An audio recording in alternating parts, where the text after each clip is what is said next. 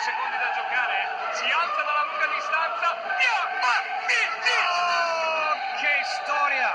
Se empate a 74, 3 segundos y así que Vicius lanza, anota y así que Vicius un segundo, dos décimas. Tiempo muerto de Paco Vamos. Schiskauskas. Sbaglia anche il secondo. Papa Nicolao. Spanulis. 6 secondi. 5 secondi. Contro Sved. Spanulis lo attacca. Scarica. Pripesic. Merhaba basketbol severler. Dip Çizgi Podcast programının Euroleague bölümü. 107. bölümüne hoş geldiniz. Ben Efecan Yavaş gel. Ben Togan Karataş. Ben Orçun Anat Demiröz. ile beraber bugün Euroleague konuşacağız. Orçun ne haber? İyilik. Sen nasılsın? İyi, Helal olsun sana ama o kadar güldürmeye çalıştım. Introda gülmedin. Aynen. Bir de bunlarla uğraşıyorum arkadaşlar. Yani Biz dinleyenlerin arka tarafta bilmesi gereken şeyler var. Bir girişte çok zorlanıyoruz Orçun yüzünden. Bir de sonda. bir de bitirirken. Alttan tekmeler bilmem neler. Aynen. Tamam o zaman şey konuşuyoruz. Avrupa Birliği Marşı'ndan şey yapmışken Beethoven mu, Bach mı, Mozart mı? Bunu konuşalım. Beethoven'cıyız filan. Ben Çaykovski diyorum. Çaykovski'ciyiz yani olabilir. Çok çay içtiğin için olabilirim. Abi bir dakika ya. Bir dakika. Şuradan pencereden atlayacağım. Programı şimdi durdursam gerçekten üzülmem biliyor musun? Arkadaşlar da bunu bilmez ama bilsinler diye durdurmuyorum ve devam tamam ediyorum. tamam. Ya, biraz Çay fazla şi- şımardım. Gerçekten e, bir ekolü nasıl bitirdim ben de anlamadım yani. Hangi ekolü? Doğu Avrupa ekolü. Ve evet Euroleague konuşacağız. Biz Euroleague'de... Shostakovich'ciyiz. Aslanım diyor. Oo. Ya. Kim o Trabzonspor'da mı oynuyor diyeyim ben de. Underrated. Kabul ediyorum. Kabul et. 22 maç Kabul et. ve giriş çabalarım sonuç vermiyor Euroleague muhabbetine. ya yönetimde konuşacağız diye bir düşündüm şimdi o yüzden. Evet. Çalıştık oğlum. Balkonuyuz tamam şaka yapıyorum. Dur ben şu notumu da alayım. Evet. Hocam da notunu aldı. Giriş goy goyumuzu bitirdik mi giriyorum. Gir Hazır mısın? Kemerini bağla o zaman. Ee, 22 maçı geride bıraktık Euroleague'de ve artık bir şeyler netleşmeye başladı. Üst tarafta da playoff mücadelesinde de olmayacak işler de belli oldu artık. Bu sene emek harcanan ve olmayacak işler de kendini belli etti. 22 maç sonunda Fenerbahçe liderliğini sürdürüyor ve biz de liderle giriyoruz. Fenerbahçe ile giriyoruz programımıza. Ee, 30 Ocak'ta oldu sanırım. Ocak sonunda Veseli'nin 5-6 hafta sahalardan uzak kalacağı açıklandı. Ve Fenerbahçe o günden beri Bayern Münih'e kaybetti sadece. Ve 4 maçın 3'ünü kazandı sanırım. Yanlış hatırlamıyorsam. 5-4 de olabilir. Ee, ve iç sahada yine çok güven veren basketbol oynuyor Fenerbahçe. Ee, Bayern Münih maçında kötü oynadığını söylemeyeceğim. Bayern Münih maçı uzun zamandır izlediğim en iyi Euroleague maçında, maçıydı benim kendi adıma. Çok güzel maç oldu. Ama Euroleague sevenlerin vurdulu kırdılı tabir ettiğim maçlardan değil. Biraz daha skor yönlü. Biraz daha eee, atarak giden bir maçtı. Sonları tam da Euroleague mücadelesine döndü ve Fenerbahçe Bayern Münih'e kaybetti. Biz geçen hafta konuştuk bu arada onu. Evet yani ben olmadığım için Bayern Münih'e neden kaybettiğini değil de Fenerbahçe'nin Veseli olmadığı dönemde Ama sadece hakikaten- bir, bir mağlubiyet aldığını konuşmak istiyordum. Yani bu sezon izlediğim en iyi 2-3 maçtan biriydi Bayern maçı. Bayern Aynen. e, Fenerbahçe maçı. Ve üstüne Panathinaikos'u darmadan attı Fenerbahçe. Panathinaikos'la ilgili hocamla biraz önce birazcık atıştık. Büyük takımların maçları arasında Panathinaikos'u yazmayınca hocam ben biraz E isyan nasıl ettim yazsın ama abi? Panathinaikos 9 deplasman maçını kaybeden bir takım haline dönmüş. Nesi büyük yani. Panathinaikos lig sıralamasına bakıyorum. 12. Bakıyorum. Aa göremedim. Bakıyorum Aa, göremedim abi. Kimmiş bu yakışıklı? Aa benmiş. şey- durun ben de bir geçen senenin o sıralamasına Dün- bakıp dün- son dün- sıraya bakayım. Dün dündür bugün bugündür Efecan. Tamam Lütfen. hocam. ya, bak, tamam hocam. Fötürlü cevap gelsin sana. Allah yani bana buradan Demiral Hadi o zaman cevapları. Fenerbahçe. Orçun. Ya bu arada geçen hafta Fener'le ilgili bir sürü şey konuştuk. Ee, hani şeyi konuşalım istedik aslında. Fener'in bütün her şeyini değil abi. Zaten konuşuyoruz ara ara. Bir parçasını konuşacağız. yani geçen hafta mesela işte Eric Green üzerinden falan konuştuk. Hmm. Sulukas'ın dakikalarını falan konuştuk. Biz özellikle şeyi e, seçtik bu e, dönem. Veseli Lovren ikilisi neden Yudo Veseli ikilisi olmuyor? Aslında burada Orçun'a birazcık bir sormak istiyorum. Yani şunu söyleyelim abi. Veseli ve Lovren yan yana oynadığı beşler Fener'in artı eksideki en kötü beşleri. Hı hı. Geçen sene aslında bu soruyu sorunca aklıma geçen seneki Jason Thompson Hı e, durumu geldi. Yani mesela Yudoh'tan sonra oraya gerçekten birisini monte etmekte e, zorlandı Hı e, Obradovic. E, ama bu arada Yudoh'la Loven karşılaştırmalı bence biraz haksızca çünkü çok farklı tipte oyuncular aslında. Yok zaten abi şey e, bu konuda ben bayağı önce yazıda yazmıştım. Bunlar karşılaştırılabilecek oyuncular değil. Değil. Ben sadece neden öyle bir harmoni oluşturulamıyor? Yani neden Fenerbahçe'nin e, o ikiz kulelerini izleyemiyoruz? Onu demek. Bence burada iki tane e, önemli nokta olabilir. Birisi Veseli'nin belki yani bundan iki yıl önceye nazaran yükselen ve hani dominant performansı. Yani orada hani baktığın zaman mesela Yudoh'la beraber oynarken orada tamamlayıcı parça konumundaydı Veseli. Asıl parça Yudoh'tu. Şimdi e, Lovern'in mesela orada hala aslında NBA kariyeri olmasına rağmen hala tam olarak e, Lovern'in orada bir yani ana rol parça olmadığını hep yan rol gibi kullanıldığını görüyoruz. E, ikincisi de bence e, yani Lovern evet iyi bir pasör mesela ama e, orada o dengeyi bulamamış olabilirler. Yani e, şu an biraz sanki aslında Avrupa kökenli bir oyuncu. Yani Partizanlarda falan oynamış bir oyuncu. Bir de hani Vjosevic'lerden falan da yetişmiş bir oyuncu. Kaptan ama, abi. Yani Partizan'ın Ee, kaptanlığını kap- yapan yani- nadir yabancılardan biri. e, hatta yani Sırpçısı falan da çok iyidir bu arada Lovern'in. E, ama yani burada Obradovic'in sistemine belki tam olarak oturmamış diyebilir miyiz? Diyebiliriz. Ben Efe'ye vermeden bir şey eklemek istiyorum. Ee, yani İstemedi Efe ben. Aa, dedi. Ee, Fenerbahçe bu sezon bazı maçlarda şut başına, pozisyon başına değil de şut başına bir buçuk sayıya falan çıkıyor abi. Muazzam bir Evet. veri bu. Bunu sağlarken sahada Melli var. Lovern yok. Yani bu sene Fenerbahçe'yi hücum verimliliğinde birinci sıraya taşıyan şey, ofansif ratingde birinci sıraya taşıyan şey Melli'nin şut performansı aslında. Ve Melli sahadayken takımın daha iyi spacing yapması. Kesinlikle öyle. E, Belki Lovern bu seneki oyun yapısına da e, yani profil olarak performansını ayrı koyuyorum. Oyuncu performansında zaten problemler var. Ama oyuncu profili olarak da uymuyor olabilir. Bu sene biraz daha farklı bir Fenerbahçe izliyoruz. Çünkü hücumda yine yarı sahada daha düşük tempoda ama daha akışkan ve mesela daha fazla şut atan bazı maçlarda bazı yerlerde daha fazla şut atan bir Fenerbahçe izliyoruz forvetlerden. Doğru. Belki yani performansı evet istenilen seviyede değil ama belki profil olarak da buraların e, burada tam aranan bir oyuncu olmayabilir. Şunu hatırlıyorsunuz yani hepimiz e, Lovern transferi gerçekleştiği zaman ne dedik işte hani büyük takım olmak budur. Hani Yok Lovern- ebesinin dedim ben. Yani sen Ha, hatta öyle bir Ali Sami mi dedin? Hayır. hani Lovern hani çok önemli bir isim. Hani onu buraya getirmek bile çok değerli bir hamle falan dedik. Ama beklenilenin aksine Hı hı. şu an performansı e, çok aşağıda seyrediyor. E, sizce peki asıl nokta yani hani playofflar ve F4 dönemi e, yukarı tırmanır mı Lovern? Abi o valla cevaplaması zor bir soru. Çok kolay görünmüyor açıkçası. Çünkü konsantrasyon eksikliği de var. Yani Lovern ara ara açıklamalar yapıyor işte biz adım adım gidiyoruz. Hani hedefimiz şampiyonluk falan diyor ama bence ciddi konsantrasyon problemi de var Lovern'in. şunu görüyorum sanki ben. E, Lovern oyuna her girdiğinde böyle bir dediğin gibi yani adaptasyon süreci yaşıyor. Bir de şey durumu da var.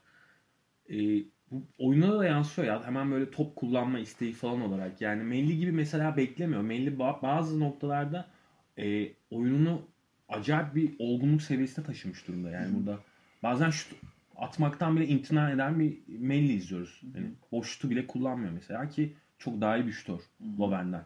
Lovern mesela o konularda biraz daha e, yalpalıyor yani ne yapacağını şaşırır bir halde. Bir de e, orta mesafede uzunun pasta attığı bir Fenerbahçe pek gördük mü bu sene? Pek hatırlamıyorum. İhtiyaç ya. olmadı ki. İhtiyaç Olmadı böyle ama şey. geçen mesela Jason Thompson da aslında o profil yani hani Onu orta oluşturmaya mesafe şutu çalışıyorlar. olan bir isimdi. Ama Yudoh döneminde daha farklıydı. Ya Yudoh döneminde mesela Veseli e, ve ikisi yani Yudoh yan yana oynarken çok baskın oluyordu. Yani pota gö- göstermiyorlardı yani. Yani peki Lovern e, sadece kendi rolünü değil Veseli'nin rolünü de mi kabul edemiyor? Ya Veseli'nin oradaki belki çok baskın bir durumu olduğu için de hani e, o tür bir rol dağılımında da sorun olabilir belki. Ya şimdi onu şöyle değerlendirebiliriz. Her farklı parça, Yudo, Jason Thompson dediğiniz gibi, Loven, Jeffrey Loven, birbirinden çok farklı oyuncular. Bir kere burada anlaştık üçümüzde. Ve bu farklılık mesela Yudoh döneminde Veseli'nin daha mobil bir rolü vardı Hı hı. Fenerbahçe'de. Yani Yudoh'a zaten emanet ettiğiniz bir yer vardı. Şimdi Veseli bu role soyundu iki senedir. Hatta bu sene burada uzmanlaştı. Hem mobil olmakta hem potayı savunmakta. Ama Veseli'nin Yudoh'la ikili uyumunu Löwen'de aramak saçma. Zaten Obradoviç de aramadı. Bana sorarsan. Başka Bence de. şekillerde kullanmaya çalışıyor. Ee, aynı şekilde Jason Thompson'ı da bulamamıştı. Aslında en çok onu uydurmaya çalışıyordu. Onu uyduramadı. Başka şekillerde bulmaya çalışıyor. Löwen bu e, Löwen'in şeyi de hesaba katmak lazım. Spurs dönemini, NBA dönemini. Tamam basketbol Avrupa'da oynadı ama bazı şeyler değişti. Arada bir yapamamışlık var. Döndü. Ya burada da biraz zamana ihtiyacı var ve o zaman bir sezon tam bir sezon mu emin değilim. Biraz daha olgunlaşması lazım. Biraz Ya daha alışması Bir lazım. de şöyle bir şey var yani Yudoh'ta bu isimlerde olmayan seviyede bir hani fizik fazlası var Ya yani. bir de kişisel olarak çok iyi karakterlerde birbirine yakışan. İşte Yudo'nun takımla ilişkisi. Löwen'in böyle bir ilişkisi var mı henüz? Mesela. Hani yani şunu görebiliyoruz bence e, takıma bağlı. Yani Ha, burada kalmak elbette. istiyor. Ama hani şey uyumdan bahsediyorum. Uyum Evet. Yani o da tam olarak belki dediğin gibi e, yerini bulamamış etkenlerden olabilir. biri olabilir. Özellikle olabilir. Bayern Münih maçında konuşmuşsunuz geçen hafta. Çok girmek istemiyorum da mesela. Konuşmuşsunuz diyor bak dinlemediği nasıl belli Toga. Din, dinlemedim. Özel bir durum vardı ya.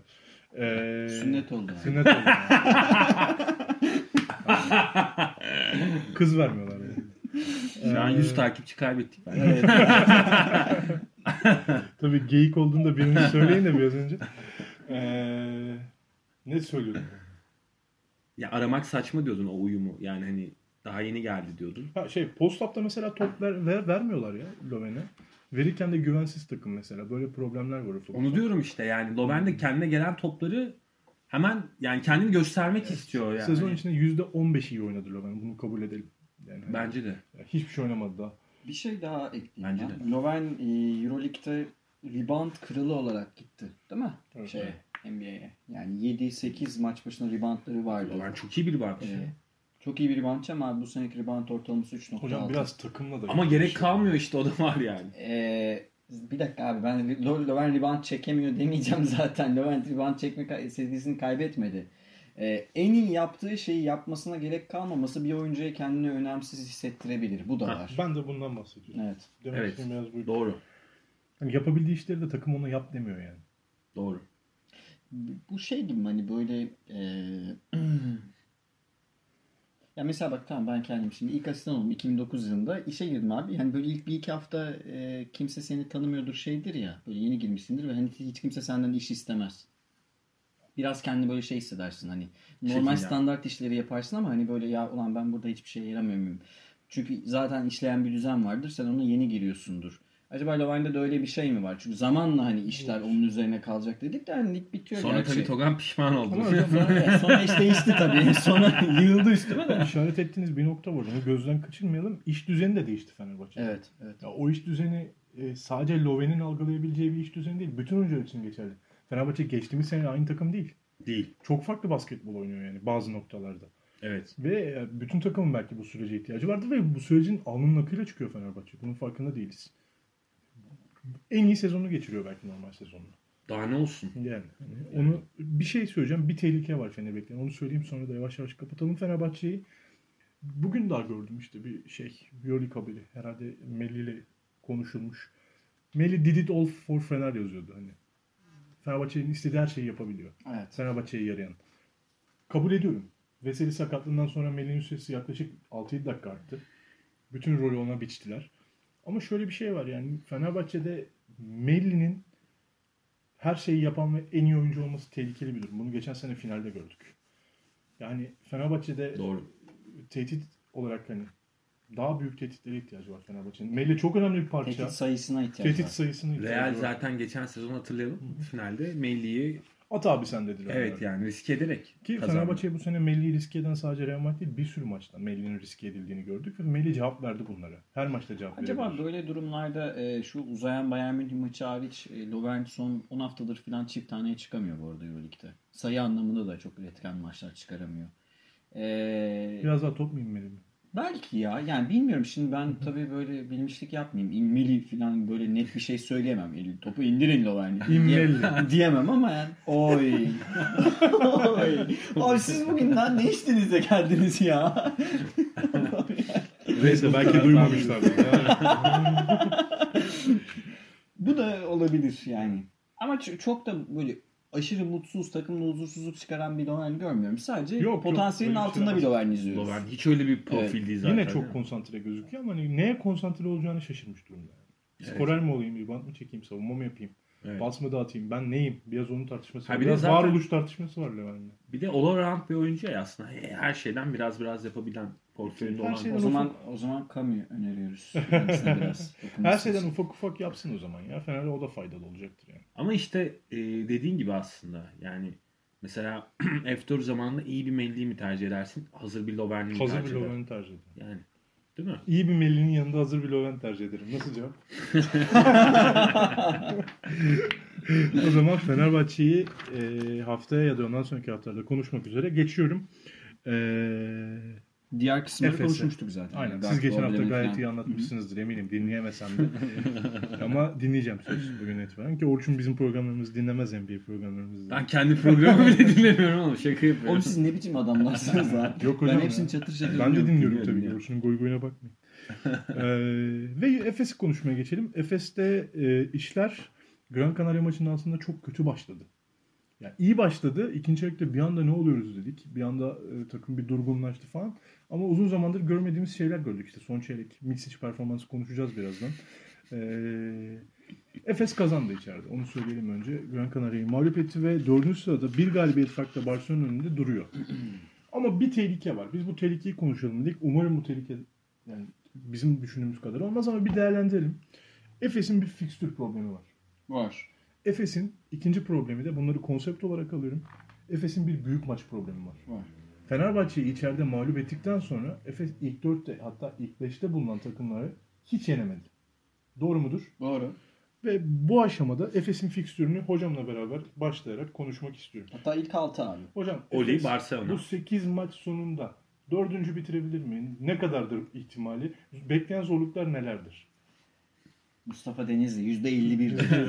%51 ihtimalle Avrupa Şampiyonası'na 20. katılacağız. 27. haftaya gelelim. İ- İçimizdeki İrlandalılar sevinmesin falan. Ee, şimdi nereden alayım Buna ben? paralel olarak Barcelona'da konuşacağız birazdan. Tamam. Mitsic konusun şimdi Şimdi e, Mitsic'e yani gelmeden Gran önce- Canaria maçının son çeyreğinde Mitsic'in uzun maçlardan sonra son çeyrekte ilk defa sayı atmasını 9 abi, sayı buldu değil mi? e, gerçekten başarı olarak kabul edecek miyiz? Ben etmiyorum. Hayır. Ben de etmiyorum abi. Gran Canaria Efes'in rakibi değil ve maç içinde 10-0 seriydi bir yerde Efes. Maç yine İkinci 20'ye çeyrek. 20'ye evet ikinci çeyrek. Maç yine 20'ye gitti kabul de Simon bu arada Soruyorum. Simon. Kaç- kaç sayı MVP bu buldu? arada. Haftanın Kanarya- MVP'si Simon, Simon oldu. İlk yarıda kaç sayı buldu? 50'leri buldu ya. 50'leri gördüm. 46 mı? 46, 46 yani. yani. 46 43 mü? 46 40 mı? Yani en son 46 yediğinde bir e, Fener'den geri dönmüştü. Sonra Žalgiris'e içeride yenilmişti. Yani 46 bu konsantrasyon problemini kabul etmiyorum. Neyse bir şekilde kazandın. Orada kaza yok ama şu e, Mitsic'e artı yazmaz abi. Bir kere onu söyleyeyim. Larkin'in geri dönmesi lazım. Hafta içi iyi oynadı bu arada Larkin. Yani hafta sonu ligde.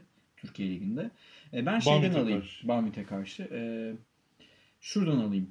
Efes'in Fenerbahçe, Olympiakos, CSK, Madrid ve Barcelona ile oynadığı maçlar. Fenerbahçe bir İstanbul derbisi özel maç filan böyle. Bunu kenara koyarsak. Oli, CSK, Barça ve Madrid'le oynadığı 5 maçın hepsini kaybetti.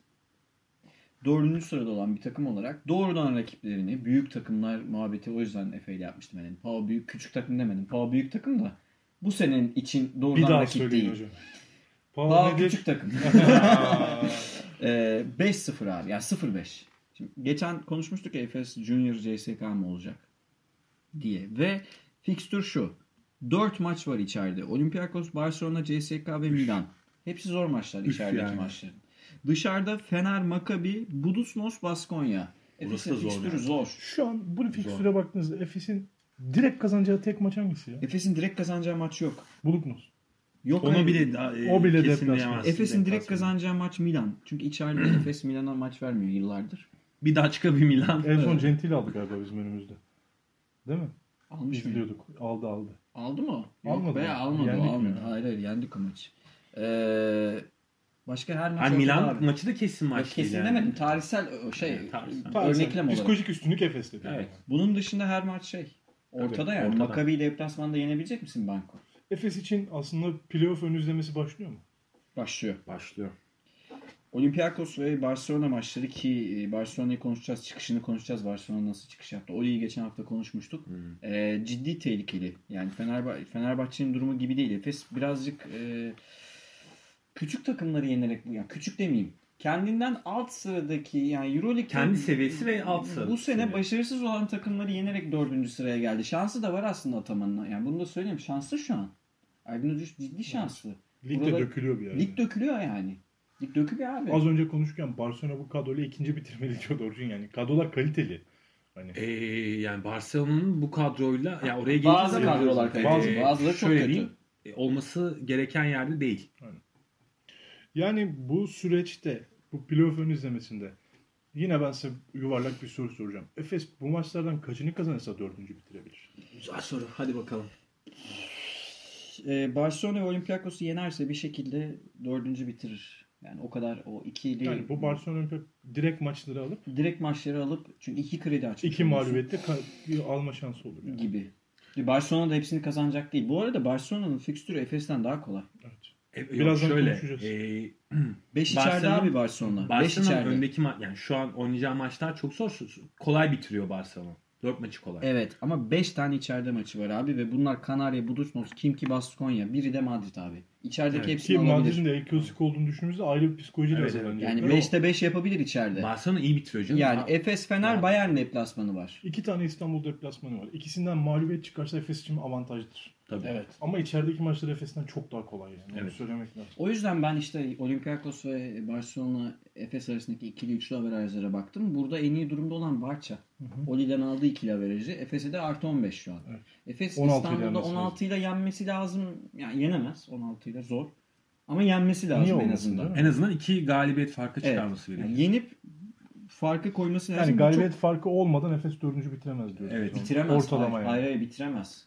Barcelona'yı yenmeden Efes dördüncü. Barcelona'yı kaybederse Efes, Olympiakos'u yense bile dördüncü bitiremeyecek. Geçmiş olsun. Barcelona'yı yenmek zorunda. Gitti tayin helva olur yani. Aynen. Yani ev sahibi avantajı için çok kritik bir sürece giriyoruz. Efes adına. Orçun sen ne düşünüyorsun? Kaç maç kazanmalı diyorsun? Bu 8'den. Net sayı veremiyorsun. Yani net işte- sayı Ortalama veremiyorum. yani. Ama Barcelona içine veremem mesela. Barcelona fikstürü kolay diyoruz ama Barcelona yani hani çok inişli çıkışlı bir Ben Barcelona'ya 6 yazıyorum. ee, yani 6 5-6. Bence de en az 5 alacak. En az Barcelona. beş En az alacak. 5 var. rasyonel olan 5 aslına bakarsan ama ee, Ya 4 içeride bir dışarıda gibi. olabilir. Ya ama Efes için gerçekten çok dediğin gibi Ya tam zaman bir playoff ön izlemesi aslında bu süreç. ufak bir matematik hesabıyla Barcelona'nın hani mantıken 5 aldığını düşündük. Hı hı. Üçüm, ya ikimiz sen de O 5'i katılıyorsun kimden aldı ama? İçeridekiler mi? İçeridekiler Efes'te Barcelona'yı yendi. Ha. Kaç galibiyette girer? Efes Barcelona'yı yenerse yani Barcelona o zaman ligi 18 galibiyetle bitiriyor. Evet. Efes Barcelona'yı yendiği için 15 oluyor. Efes 19 4 tane galibiyete çıkar. galibiyet lazım. Efes 19'a çıkar o zaman. Çıkar mı o, o moralle çıkar Efes 19'a. Yani Milan'ı falan yener. Baskonya'yı da yener Anladım. dışarıda. Urknus'u da yener. Butmos'u da yener. 19'a çıkar Efes. Anladım. Alır orayı. Yani- Bu şey psikolojik bir maç olacak. İstanbul'da Pesic'te psikolojik bir maç oynayacak Ataman. Evet. Ya, tabii ondan önce Oli maçı falan da yendi. Önce değil mi? CSK maçı var. Bu arada bu hafta maç yok yani önümüzdeki Evet, Önümüzdeki evet, hafta evet. maçları oynanacak. Ee, gidebilenler de maça gitsinler yani çok Evet. kritik maç. Mesela şey Barcelona'yı konuşacağız değil mi? Efes'in rakibi Hı hı. olarak bu hafta Barcelona'yı biraz inceleyelim dedik. Yani mesela çok bariz bir fark var. Barcelona sahada oluşan reboundların %52.7'sini alıyor. Ligin en iyi ikinci Evet. takımı. Fark Reboundu, reboundu domine ediyor. Fark orada. Barcelona. O zaman Barcelona'ya burada Evet. net geçtik hocam. Efes ise geçtik. 48.9'unu alıyor. Yani Barcelona ciddi reboundçı takım. Efes'e ters gelebilecek yerleri Ama var. Efes'in de Barcelona'ya ters gelebilecek Evet. noktaları var. Var. Tez antitez durumu var yani. Yani o zaman Barcelona'ya ilgili şunu söyleyelim abi. Ee, biz sene başı çok eleştirdik. 6-7 ile başladılar. 13 maçın 6'sını aldılar. Oli'ye içeride yenildikten sonra 9 maçın 7'sini aldılar. O maçtan sonra yani İspanya Barcelona'daki Olympiakos maçından sonra 9'da 7. Ve e, ilginç bir şekilde Pengos, Kuric, Klaver, Singleton, Tomic 5'i artı 43 yazdırmış toplam 13 maçta. 76 dakika birlikte oynamış bu, bu 5 ve e, senin beklediğin şey oldu. Hanga bench'ten çok iyi geliyor. Evet. Ve ama- yani Oriola falan da iyi destekliyor takımı. Doğru ama dediğin gibi aslında yani o 5 e, fark yaratıyor gibi olsa da aslında Barcelona direkt sayabileceğin bir 5 yok. Çünkü çok fazla rotasyonla oynuyor Pesic. E, bunu da özellikle e, hani savunma kurgusu için yapıyor. Bana öyle geliyor. Yani hani Serafini falan so- yani çok sertlik yap- yapan isimleri sonrasında Hı hı. kullanıyor. Henga'yı da mesela e, bench'ten getiriyor gibi gözüküyor ama baktığın zaman aslında Henga bu takımın bence e, lideri konumda şu an. Yani Bence de. hani şey olarak da lideri yani. E, Zihin lideri. mental olarak da lideri. E, şu an zaten sakatlıktan do- döndükten sonra Barcelona Biraz geç toparladı sanki. e, evet e, atağa da kalkmış durumda. Ama e, tamam yani şu anda e, fiziksel oyunda Barcelona inanılmaz e, iyi durumda. Hani Singleton falan şu an çok iç açıcı halde olmasalar da buna rağmen ki Singleton bu takımın ana opsiyonlarından birisi. Ona rağmen e, bir şekliyle hani özellikle içerideki maçlarda çok ciddi bir e, korakor mücadeleyle işte rebound üstünlüğüyle işte hani Fener'e Ee, benzer oynuyor aslında. o Yani bu arada yani yarı saha. Ben onu söyleyecektim. Evet. Minik bir Fenerbahçe gibi. e, şunu da söylemeyeceğim. Zalgiris maçında bu arada yani Yasuke 300 %1500 haklı. Yani hani biraz Zalgiris maçının sonunda Barcelona'ya e, hani bir kayır, ufaktan bir kayırma oldu yani. Ki- Ki Pesic'le işte aralarında geçeni biliyorsunuz yani el bile sıkışmadılar da. Şöyle diyeyim. E, dediğin o şekliyle doğru. Yani hani Barcelona şu an ana planı e, direnmek yani iyi savunmada e, o şekliyle yoğun bir şekilde kalmak. Hücumda da e, bireysel çabalarla skor üretmek ama hücum çok ciddi problemli gözüküyor şu anda. Öyle bir akıcılık falan yani net bir düzen bir o şekilde hani bir şablon gözükmüyor. Yani hani bu playoff zamanı sorun olur yani sonuçta Barcelona tamam ligin size'ı büyük hani e, kalıplı takımlarından büyük takımlardan ama bunu daha iyi yapan karşılarında Fenerbahçe gibi falan takımlar da var yani hani. Ya benim şey geldi aklıma ya. E, Aydın Orçun basketbolu geldi. Yani Pesic ne yapıyor abi? Hani sa- savunma üzerinden, savunma kaynaklı yarı sahada tabii. bir e, yani fast break atabilirsek atalım. Atamazsak bakarız. Hani yani bakarız derken sıfır seti var anlamında demiyorum. Değil. Yarı sahada müthiş üretken değil. Ee, bir 2002 Indianapolis'teki Türk milli takımı aklıma geldi. İşte size'da oynayalım, savunma üzerinden kaynaklı bir şeyler yapalım ama o takım duvara tosladı. Yani Avrupa ikincisi olarak gidip dünyada 9. bitirdik o turnuvayı. Porto Rico'ya falan kaybettik. Barcelona'nın böyle bir tehlikesi de var. Yani e, Efes gibi akışkan takımlara karşı. O yüzden ben umutluyum aslında maçtan, İstanbul'daki maçtan. Ciddi umutluyum. E, tempoyu, momentumu kaybettikleri an geri dönmeleri çok kolay olmayacak. Yani o savunma duvarını Efes bir kere yıkarsa ikinci, üçüncü Ya. hatlar çok çok çok öyle Yani muazzam bu değil. size'lı 5 hızlı kapatamaz. Kapat- Kapatamaz. Yani deplasmanda 15'lere gitti maç işte Hı hı. yani hani orada Efes duvara çarptığı için ve hani vites küçülttüğü için Barcelona geri geldi. Ya baktığın zaman gerçekten size'lı takım ya. Singleton'ı, Klaver'i, Tomic'i sahaya sürüyor zaten kafadan. Tabii. Kulic ve Pangos'la beraber. İyi bir gardı var. Aslında birazcık minik Fenerbahçe sizin örneğinizden yola çıkarak o yüzden doğru dedim işte. Henga'yla yine Geliyor. E, size'ı devam ettirebiliyor. Aynı zamanda işte gardını dinlendirebiliyor. İki tane gardı var. İkisi de iyi gününde bir örtel de maç kazandırıyor Barcelona'ya. Serafin- Kazandırıyor bir de yani Serafin geliyor onu söylediğiniz ilk hocam. Ve Oriola. evet yani Yani. Pengos ve Örtel'i savunmada hani e, telafi edebilecek arkadaki Tabii. kanat ve bu önlemi uzun alıyor. adamları var yani hani. Ki geçtiğimiz haftalarda şahit olduk Oriola'nın çok iyi performanslarına. İşte çok maç kazandırdığını Orada gördük. şu an yani. X faktör oyuncu Barcelona açısından. Ya Oriola'sı, Serafin'i, skor, skor üreten bir uzunu var. Serafin gibi. Ee, savunmacı zaten uzatabilir. O yüzden minik Fenerbahçe örneği verdim. Ama tabii bu takım yapabildiği iyi şeylerin yanında dediğiniz gibi defekleri de fazla. Ee, oyunu hızlandırdığınızda, tempoyu arttırdığınızda bu takım koş koş takımı değil yani. Değil. Ve koş koş takımı olmadığı için işte buradaki maçta hocamın umudu ben de taşıyorum. Pesic hiçbir zaman zaten koş koş ko- o koç zaman da gerçekten iyi bir iyi bir kontrolör kontroller olmak nasıl kontrolör diyecektim de oyunu kontrol etmeniz gerekiyor sürekli. Ve bunu da yapmak için iki tane ya bir tane çok iyi gardınız var. Pengos. Gardlar çok önemli bu oyunu kontrol etme işinde. Bakalım durdurabilecek miyiz Pengos yani? bu noktada tartışılır yani. Pengos Hani, bu arada yani- dalgalı bir sezon geçiriyor. Bence Hani- çok iyi oyuncu hala da yani Evet dalgalı ama bir sezon. yani Pengos tam olarak yani sonuçta bir Lul falan değil yani. Hani Yok hayır yani şeyden bahsettim. Oyunu yavaşlatabilen, Ha, evet, yavaş oyunda kontrol eder. etkili olabilen, e, uzunları oyuna sokabilen. Tabii tabii. Yani. Çok iyi bir guard yani. Olan. tedrisatından geçti zaten canım yani. Hani bu oyunun iyi oynandığı bir yerden geliyor. Ama Ama şu an PES için elinde. Ee, ama yani Barcelona açısından bu performans F4 için yeterli değil. bana Yeterli değil Orçun. Fikstürü gerçekten kolay. Yani. Ama evet Efes'i şöyle yan yana avantajı var. koyuyorum abi. İki takım yan yana koyuyorum. Efes Barcelona'yı yense bile Efes'in kazanması gereken 4 maçtan Evet. daha kolay bir 6 maç kazanabilir Barcelona. Doğru. Evet. Böyle bir sorun var yani. Yani fiksür avantajı net Ve Barcelona. yani kafa kafaya geldiğinde burada 16 vurmazsan Barcelona'ya sorun yaşarsın. Ha, yapabiliyorken keşke burada 20'ye yatırsak Barcelona'yı ama çok zor yani. Barcelona'yı şu an 20'ye yatırama, Momentum, yatıran evet. yani çok her, ama her Efes de takım gününde, açısından zor gününde yani. olduğunda Efes içeride bu farkları yaratabilecek bir takım. Şutu girdiğinde, Yani- hızlandırdığında oyunu. Barcelona'ya eğer hani olası mesela bir hani Oli mağlubiyet falan olursa orada yani bir de hani o Ha, stresle tabii canım falan o yani çok zor yani. bir hani bir Oli maçını kazanalım önden de sonra hani Barcelona maçında daha böyle moralli Ki, falan ya çıkmak lazım. 4-5'e Efes Barcelona girecek her şekilde.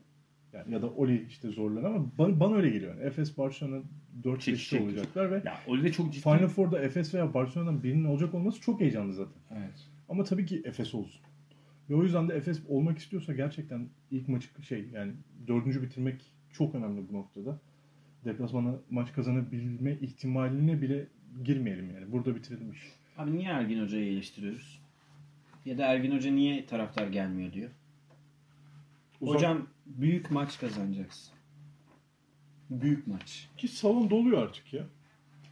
Yani bunu ama e, telafi etmesi için önünde iki tane bence iyi. İşte büyük maç. Evet yani iki tane iyi opsiyon var yani. Peki elinizde Edmanga olsa Pesic gibi bench'ten getirir misiniz? Direkt kullanır mısınız? Yok, Ben direkt kullanırım. Ben direkt kullanırım Ergin'i. Ben de yani çok kıymetli bir parça olduğunu düşünüyorum.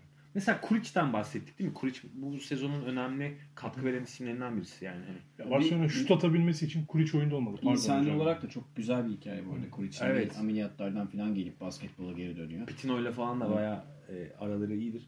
Şey Kuric'i bile kullanma noktasında mesela PES için direkt bir planı yok gibi. Hani bu tür e, rolleri da yani hücum rollerini dağıtma konusunda ben yani Barcelona maç, maçlarını izlerken onu göremiyorum yani. Hani Singleton'ın tam olarak rolü nedir?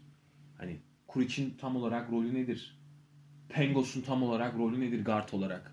Biraz Hani- mixliyor zaten orayı ya. Hani hücum planından ziyade rebound ikinci şans sayılarına mesela önem veren bir takım var. Tamam hani Oriolo gibi falan e, yan parçaların rolleri belli. Ama ana parçaların hani Güzel. yani Biz de bu Kuric konusunda Efe ile şey konuşuyorduk. Ee, yani tamam aynı sürede oynamıyorlar. Aynı rollerde değiller tam olarak ama Prepelic mesela Madrid'de hiç yok. Yani neredeyse hiç o arada oynuyor. hiçbir şey oynamıyor. Daçka maçında falan oynuyor. Yani Prepelic Kuric'ten bu kadar da kötü bir oyuncu değil. Yani Madrid'in kadrosuyla ilgili bir şey de bu. Kuric yine biraz daha e, ya en azından şunu görüyorsun abi. Karl Kuric'in işte e, bazen J.J. Redick gibi oynadığını falan görüyorsun. J.C. Carroll vari bir e, yapıda oynadığını görüyorsun. Ama Orçun dediği doğru. Tam olarak şudur Kuric diyemiyorsun. Bazen oyun, Biçilmiş bir rol var mı? oyun refleksiyle öyle, öyle oynuyor Evet. zaten.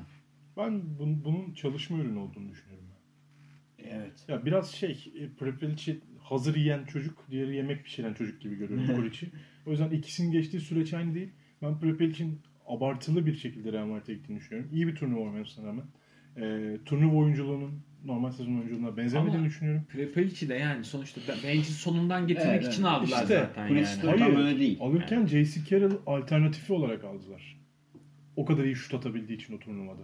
Ama olmayacak yani. Ama abi şu an J.C. Carroll'ın var mı? Yani ben Avrupa'da J.C. Carroll'ın alternatifi diyebileceğim Yok başka bir şutör göremiyorum yani. Yok. Sen görüyor musun? Yok. O tip hareketli şutu atacak Bu isim. Kremen Prepeliç'te olmadığına göre Yani. Kuric daha e, düzen oyuncusu ve düzen oyuncusu olarak oynamaya devam ediyor. Abi bu oyuncular da ağaçta yetişmiyor ki yani öyle. Hani Peki. Carroll bir tane yani. Hani. e, J.J. Redick'in Avrupa versiyonu işte. neyi bozmalısınız? Yani Barcelona ile oynuyorsunuz. Bir şey net. Rebound'u bozmalısınız. Ama bunu bozarken Barcelona gibi oynayarak değil. Kendi oyununuzdan taviz vermeden bozmalısınız. Tomic'i, Singleton'ı ve Serafin'i, Klaver'i, Klaveri. Seriveri, Oriol'u kim, kim oynuyorsa içeride normal maçlarda koştuğundan bir buçuk kat fazla koşturmanız gerekiyor. Evet. Yani bunu e, guard kovalar kovalayarak mı yaptırırsınız, kısalarak mı bilmiyorum. Mesela Veya işte e, Perisovic'in e, şey modeli gibi. Brown'a top sürdü. Aynen. O tarz bir model gibi yani. yani. E, small ball. Dört kısalı. Small ball oynayarak halledebilirsiniz. Ama yani şu var ki ama yok. Ergin Hoca yarı saha oyununda Barcelona Efes'ten daha iyi takım.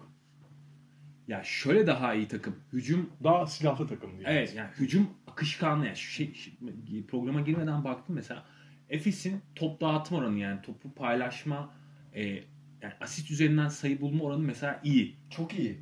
Yani ligin hatta çok iyi yani ligin elit seviyesinde Efes bu anlamda. Mesela Barcelona o konuda çok e, fecaat durumda. Ama şöyle bir şey var yani yarı sahada daha iyi diyorsun ya. Aslında yarı sahada daha iyi demenin sebebi daha potansiyelli Ve daha olması. potansiyel, daha çok Evet. silah var. Ya işte bu kullanmakla ilgili bir şey. Bire bire kaldığı Ben zaman PES için de bunları kullanmakta çok iyi bir antrenör olduğunu düşünmüyorum zaten. Biraz takımın kendi artık takım artık şey yap taştı yani artık biz galibiyet Abi alacağız PES dedi yani. Belli noktadan sonra. yani. Pesic'ne Zalgiris maçından sonra açıklama yapıyor. 60'lar Celtics'i falan gibi böyle. Yani. Düdüklü tencereyi açıp kendi koymadığında düdüklü tencere patladı yani. 60'lar Barcelona öyle bir Celtics gibi yani. değiliz dedi ya. Hani 60'lar Celtics gibi değiliz tamam dedi de. Ya bir avantaj daha söyleyeyim. Size de 2060'dan abi. Bir avantaj daha. Efes'in baskı yapacağınız oyuncuları biraz daha akıllı. Yani tam Pengos zeki bir kart olabilir ama hani şimdi karşınızda garda baskı yaptığınızda ve iyi savunma yapan işte Mitsic gibi, e, Doğuş gibi işte bu tarz Doğuş'u pek kullanmamaya başlasa da e, topa baskı yaptığınız zaman çok daha çabuk sindirebileceğiniz guard ikilisi Örtel ve Pengos. Mesela şey, Ve bu da bir avantaja Evet, dönebilir. güzel Açık bir- sahada yani. güzel bir şey söyledin. Ya Efes'in mesela ilerisi için Doğuş'un performansına acayip ihtiyacı var. Gran yani. Canaria maçında Doğuş'la Baba oyuna bir girdi. Bu- işler tersine döndü. Çok yani kötülerdi yani. Çok net. Mitsic Boba ikilisi Mitsic özellikle. Boba O ikilisi batırdı abi. Doğuş'la beraber Çok net. içeri hocam. Evet. Abi yüksek enerji yani. Çok çok önemli. Yok Doğuş'un hangi beşlerde ve oyunun neresinde sahada olduğu çok önemli. Bunun Evet. çok iyi ayarlanması lazım. Evet. Öyle. Rakibin kimlerle oynadığı çok önemli. Artı Larkin yani. Larkin işte Banvit maçından biraz umutlandırdı. Ama yani Ya Kanarya ben biraz- maçından beri gelen bir kımıldanması ama hep bir da. kımıldanıyor da Orçun yani giremedi ya. Onu da kabul edelim. Ya Evet giremedi canım. Girsin diye uğraşıyoruz yani. İçiyoruz Ben artık. getirdim yani bir içtik beraber bir dinledim yok derdi de yok falan diye. Ee, Yine de potansiyelli falan diyorsun da abi şey Ne? değil yani bu e, daha potansiyelli kadroları yenmişliği var Efes'in. Barcelona'nın daha iyi Var kadroları. Yani ben Patrick Femerling'in kadrolarını falan hatırlıyorum o e, 2000'lerin başındaki. Oynadı mı Barcelona'da oynamıştı. Pava'ya gitti sonra galiba. Oynadı. O kadrolar daha iyi kadrolar. Efes Euroleague şampiyonluğu var. var var. E, hani o kadar da çok da korkulacak bir takım değil.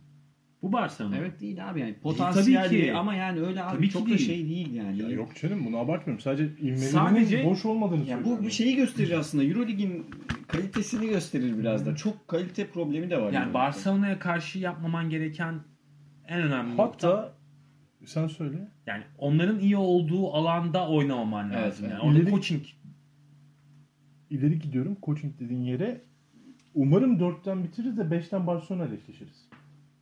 Yani Oli ile eşleşmek istemiyorum mesela 5'ten. Öyle mi? Ben- Bilet, biletle uğraşmak Biletli istemiyorum. Oli ile de eşleşmek Ben- istemiyorum. Oli'nin istemiyorum. formasıyla da eşleşmek istemiyorum. Şöyle ben e, dörtten giriyorsun. Oli istemez misin? Asla. kısa bir turnuvada Efecan'ın dediği yere atıf yapayım. Kısa bir turnuvada biletle oynamak ben de Aynen. istemem abi.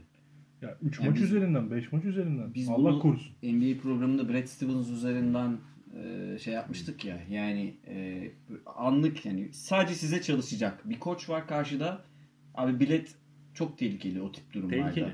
En iyi olduğu alan o zaman. Evet, ama- Zaten hani ben formasıyla da oynamak istemem oyunu. Evet. Yani şu an aslında Olympiakos bayağı Ama bir de şunu durumda düşün. Aç bir Barcelona var yani. Hani yıllardır Abi F4 Efes de aç abi. Müthiş abi. Aç bir Barcelona gelsin. Ev sahibi avantajı bizdeyken. Efes Aç. Barcelona gelsin. Doyururuz burada. Ama Oli'nin Tribün çocuğuyuz. Sangria'da var mı? Aynen. ya şey orası öyle ama bir de e, yani bilemiyorum. Oli'nin böyle makro sorunları çok yapısal sorunları çok bariz. Yani hani Öyle. var. O zaman bir de playoff yarışı, playoff yarışının değerlendirmesine geçelim. Ee, arkadaşlar yine geçen sene bu durumda yine çok kızışmıştı. Bu sene yine kızışacak işler. 6. sırada Oli var 12-10'la. Sonrasında 3 takım 7, 8 ve 9. basamakta 11'er galibiyetle duruyorlar. Bayern Münih, Barcelona ve Lan Milan'a Milwaukee diyordum aslında. Yani- Yani de ATT gitmiş yani. Milan. Milan arkasından da Maccabi giriyor. Buraya kadar çizdim ben Hı hı. sınırı. 9 galibiyetli Kimki'ye geçmedim. Çünkü çok büyük sorunlar var. Pao'da da Zagiris'te de. Arkada zaten Gran Canaria Buduknos ve Daçka'nın işi bitmiş durumda ligle. Havluya attılar. Yani Maccabi'ye kadar ilk 8'i oluşturabilecek takımlar mevcut. Ve e, Maccabi işte üst üste Oli galibiyeti aldı. Yani diyor ki ilk 8'de 8 takım vardı. Rıdvan dinledin değil mi o? İlk 6'da 6 takım Aynen. var. Ya bu 10 takımdan 8'i gidecek ve Evet. e, zorlu bir e, yarış olacak. 8 takımdan 8. Girecek. ben fikstürleri yazdım ama şöyle kısa kısa değerlendirelim. Hem takımlardan da bahsetmiş olalım. Bayern Münih 11 galibiyeti var ve 7. sırada. Bir önceki hafta yani Perşembe günü, Perşembe günü olması lazım. Baskonya ev sahibi şey e, averajı da alarak, ikili averajı da alarak Bayern'i mağlup etti ve galibiyet sayısını eşitledi. evet. Fenerbahçe'yi yenmiş olsa da Bayern Münih böyle bir dezavantajı var. Ve Bayern Münih'in hemen fikstürünü okuyorum size. İçeride Maccabi, Barcelona ve Gran Canaria. Deplasmanda Real Madrid, Buduknos, Zagis, Oli ve Daçka ile oynayacak. 3 maçını içeride oynayacak ve 5 maçını deplasmanda oynayacak tek takım bu 5 takım içinde. Ee, yani Bayern'in buralarda olmasının zaten sürpriz olduğunu Evet, yani- Benim benim şey e, benim sürpriz ben direkt sürpriz adayımı söyleyeyim. Ben şöyle genel olarak baktım. Çünkü EuroLeague'de yani sürpriz sonuçlar olabilir. Herkes herkes deplasmanda falan yenebilir. Ona bir çok yani şeyim yok da. Özellikle son Ee, haftalarda. Ben Maccabi'nin aday olduğunu düşünüyorum. Yani Bayern veya Baskonya'dan birini geçebilir ve bu muhtemelen Bayern olacak.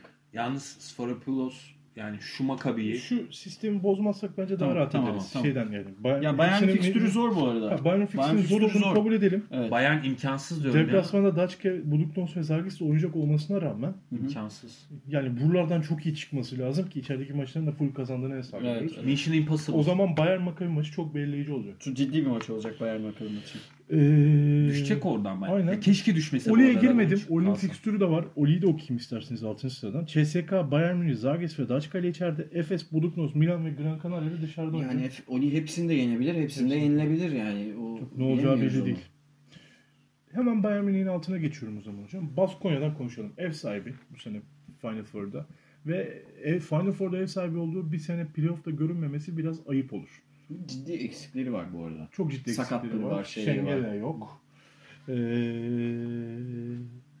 ve şöyle bir fikstüre girecekler. Onlar biraz daha avantajlı. İçeride 5 maçları var. Zagiris ile, Kimki ile, Buduknos'la, Real Madrid'le ve Efes'le oynayacaklar. Ki bu yüzden Buduk, Baskonya Efes maçı çok daha zor bir atmosfere bürünüyor. Barcelona, Panathinaikos ve CSK ile kaybedebileceğim ihtimalleri olan 3 deplasmana gidiyorlar. Ama Baskonya işte mesela İspanyol takımlarıyla oynarken biraz daha farklı bir basketbol oynuyor. Çünkü çok tanıdık bir kültür olduğu için. Ki biraz o baskı durumundan da o maçları daha özel kılıyor onlar için. Ee, bu 3 deplasmandan galibiyet çıkaramayabilirse Baskonya'nın durumu ne olur? Girebilir mi ilk 8'e? Şu an 8. sırada. Bence. Baskonya ilk 8'de bitirecek. bitirecek. E, deplasmandan hiç galibiyet çıkaramaz diye bir şey yok bu arada. Baskonya deplasmandan galibiyet çıkartır. Oaka belki çıkarabilir ama Çıkar- Oaka işte. Yani Barcelona- Efes'le gidiyor çıkaramıyor. Barcelona'yı da yenebilir. Çok da şey... Efes'in o kadar yaşadığı sendromla Baskonya yaşamaz. Aynen. Baskonya orada, değil Onlar da Baskonya yaşıyor ya, yendi. Ama senelerdir. yendi orada. Kaç kere yendi onu. O şey değil. E, bence Baskonya içeride. Yani 7'den 8'den İçeride bir yerden. diyorsunuz. Bana da öyle geliyor. Ben şüpheliyim. Ee, Milan'a geçelim. yazıyorsun? 11 galibiyetli 3. takım. Ben- bitirelim. bitirelim sonra sonra söyleriz. Ha, sonra okey. Ee, Milan'ın de 4'e 4 içeride ve dışarıda maçları. Maccabi, Oli, Panathinaikos, Fener. Deplasmanda ise Kimki, CSKA, Real Madrid, Efes. Milan çok zorlu bir fikstürde. Efes'in fikstürüne çok benziyor. Milan dışarıda ya ben. Zor yani. Milan'ın işi zor. Bir de Milan çok dengesiz takım Evet ya. ne yapacağı da belli olmuyor. Yani Yani burada oradan 5-3 bile yapabilir Milan. hiç Yapar. çerez maçı yok Milan'ın bu arada. Yok ama 5-3 olabilir bak. Kadro kalitesiyle yapabilir. Ama e, bu seneki gidişat pek onu göstermiyor abi. En kolay maçı Panathinaikos'la içerideki maçı. Vallahi bak. Sonra Kimki deplasmanı. Başka yok yani. Yani Kimki deplasmanı yani Kimki'nin sonuçta şu an çok E, iddiası yok deplasman da. abi sonuçta. Yani Ama Rusya'ya gidiyorsun. e, şey. Euroleague'de Şivek'ten sonra ciddi iyi oynuyor Kimki. İçeride Koç değişikliği falan da oldu ya. ne Barcelona. olduğunu anlamadan seni yatırabilir 20'ye. Vallahi bak. Öyle bir takım ya. Öyle. İçeride öyle. Yani kısalar zaten Hemen Maccabi'yi de vereyim. Maccabi ise e, en az galibiyet alan takım bu ekipte. 10 galibiyetli hocamın sürprizi. İçeride Daçka ile Efes'le, Zagres'le ve Gran Canaria ile oynuyorlar ki avantajlı bir iç saha fikstürü. Deplasmanda ise Milan, Bayern Münih, Kimki ve Fenerbahçe ile oynuyorlar ki bu dört takım içinde en avantajlı deplasman fikstürüne de sahipler.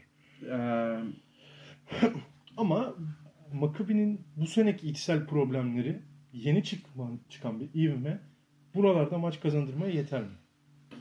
yetiyormuş. En azından Sferipoulos'tan gördük bunu. Kazanıyorlar. Ki keyif veriyorlar son Ee, maçlarda. ben Olympiakos'un altını konuşuyoruz değil mi? Yani Evet, Olympiakos yedi ve dışarı sekizinci çıkar diye basamak. düşünüyorum. Tamam 7-8 Baskonya Maccabi olacak diyorum. Yani İddialı. Maccabi underdog olarak girecek diyorum ben buraya. Biraz yılın olayı olur Sferipulos Evet. sokarsa. Ee, zaten tamamen ona güvenerek söylüyorum abi ben. Radonjic'i de çok sevmeme rağmen e, bu arada 9. bitirirse başarısız değildir. Yani şey baş- Gene çok iyi. başarılıdır yine. Ee, yine bir şeyle Maccabi diyorum ya. E, bilmiyorum içimden öyle geçti. Maccabi 8 içeri- maçta bu bir maçlık farkları Evet. da kapatır. içeride kapı- sokar kapatır kendini. içeride girer diyorum. Orçun? Senin fikrin? Ben de çok enteresan söyleyeceğim. Ben de Baskonya ve Maccabi'yi düşünüyorum. İçeride. Ee, aynen. şey, Hocama 8 katılıyorum. 9. Se- yedi, Pardon sekiz. 7 8. 7'nin Baskonya, 8'in Maccabi olacağını düşünüyorum ben de. Bu fikstür avantajıyla. Ben Baskonya'nın içeride olacağını düşünüyorum. Ama eee, benim de düşüncem Milan'ın orada olacağını. Ya bu arada Milan'ın ben de içeride olmasını sezon başından beri söylüyorum ama durum son 8 maça geldiğinde Milan'ın 3 galibiyet önde olmasını beklerdim. 1-2 galibiyet Öyle. en azından. Ama Milan'ın da ben Şu an o avantajı bir elinin tersiyle ittiler. Tabii kaç kere kaç kere Ha, arka arkaya kaç kere? 8 maç mı? canım. İçeride Gran Canaria falan yenildiler değil mi yanlış hatırlamıyorsam? saçma saçma maçlar kaybetti. Öyle maçları kaybedince şu an o e- yediler yediler kredisi kalmadı ve kredisini çok zor. Sürekli oyunun son bölümüyle son canavarı yenmeye çalışacaklar her maç yani. O yüzden de çok zorlayacak o iş. Öyle ama ben hani Milan'ın burada kadrosunun biraz daha ağır bastığını düşündüğüm Tamam. için. Ya o zaman 2 3 Baskonya, 2 Maccabi, 1 Milan geldi. Evet. Ee, hayırlısı olsun. Yani Baskonya'ya da Ekol'e çok güveniyoruz bu Geçen arada. seneki gibi çok keyifli olacak. Sadece geçen seneden kadro kaliteleri biraz daha düşük bu yarışacak ekiplerin. Çünkü Baskonya'nın sakatlıkları falan geçen sene çok iyiydi ilk 8 yarışı. Bu sene de ama galibiyet farkı olarak çok keyifli maçlar izleyeceğiz. İşte ne bileyim Bayern Maccabi Son gibi. maç oynanır mı? Mesela bakın böyle son maçlık bir şey var mı? Direkt e, direkt son maçlık çok bir şey görmüyor. Hani Yok. o Daçka Kızı Yıldız maçı gibi kazanan playoff'a Evet, gider maçı. Öyle bir maç oynamayacak. Öyle maç oynanmayacak ama son hafta sıralama değişebilir. Aynen. Son hafta sıralama değişecek maçlar gene var. satmalar olur orada. Klasik. Euroleague'in Aa. satmaları. Onu almayayım, bunu almayayım. Tabii. Aynen. O Oli, Oli gibi. çok güzel yapar o işleri. Oli mesela Milan'la oynayacak sondan bir önce falan. Çok böyle. güzel. Garip Evet. maçlar oynanacak yani. Oli mesela Bled olsan Barcelona'yı mı istersin, e, Efes'i mi istersin? Abi ikisiyle de eşleşemeyebilir bu arada. Yani Oli ben sadece... Real ve CSK arasında seçim yapması gerekebilir Yok, Oli. Bled an- olsan diyorum ben şu an diyorum. Yani olsan. olsan. Efes istiyor. Ben Barcelona isterim. Ev sahibi avantajı kimde? Fark etmez. Ev sahibi avantajı karşıda. Karşıda hmm, Sen- Efes istiyor. Net Efes isterim mesela. Bilet olsan mı? Yani- Ben Barcelona isterim. Tanıdığım, bildiğim yer. Yenmeye çalışırım, Yani yenebilirim. hep yendiğim yer diyorsun. Haklısınız ama Barcelona e, Oli'nin panzerini oynamıyor. Efes Oli'nin panzerini oynuyor. O da doğru. Yani Oli'nin oynamak istediği şeyi Efes oynuyor aslında bu sene. Yüzde yüz. Yani. Oynayamadığı şeyi de Barcelona oynuyor değil mi? evet, doğru, doğru. Ee, öyle Tabii bir durum. arada derede işte. Arada. o zaman konularımız bittiyse bu haftalık da Euroleague programımızı kapatalım. Var mı aklınızda kalan bir şey? Bakıyorum ben notlarıma. Başka bir şey yok evet. Evet. Arkadaşlar teşekkürler dinlediğiniz için. Ee, umarım haftaya güzel maçlar izleriz ve konuşmaya devam ederiz. Sağ olun ağzınıza sağlık canlar. Güzel program oldu. Aynen. Senin Hoşçakalın. muhteşem esprilerine Benim mi? Çaykovski'den bir özür dile gidip de. Hoşçakalın. İyi haftalar.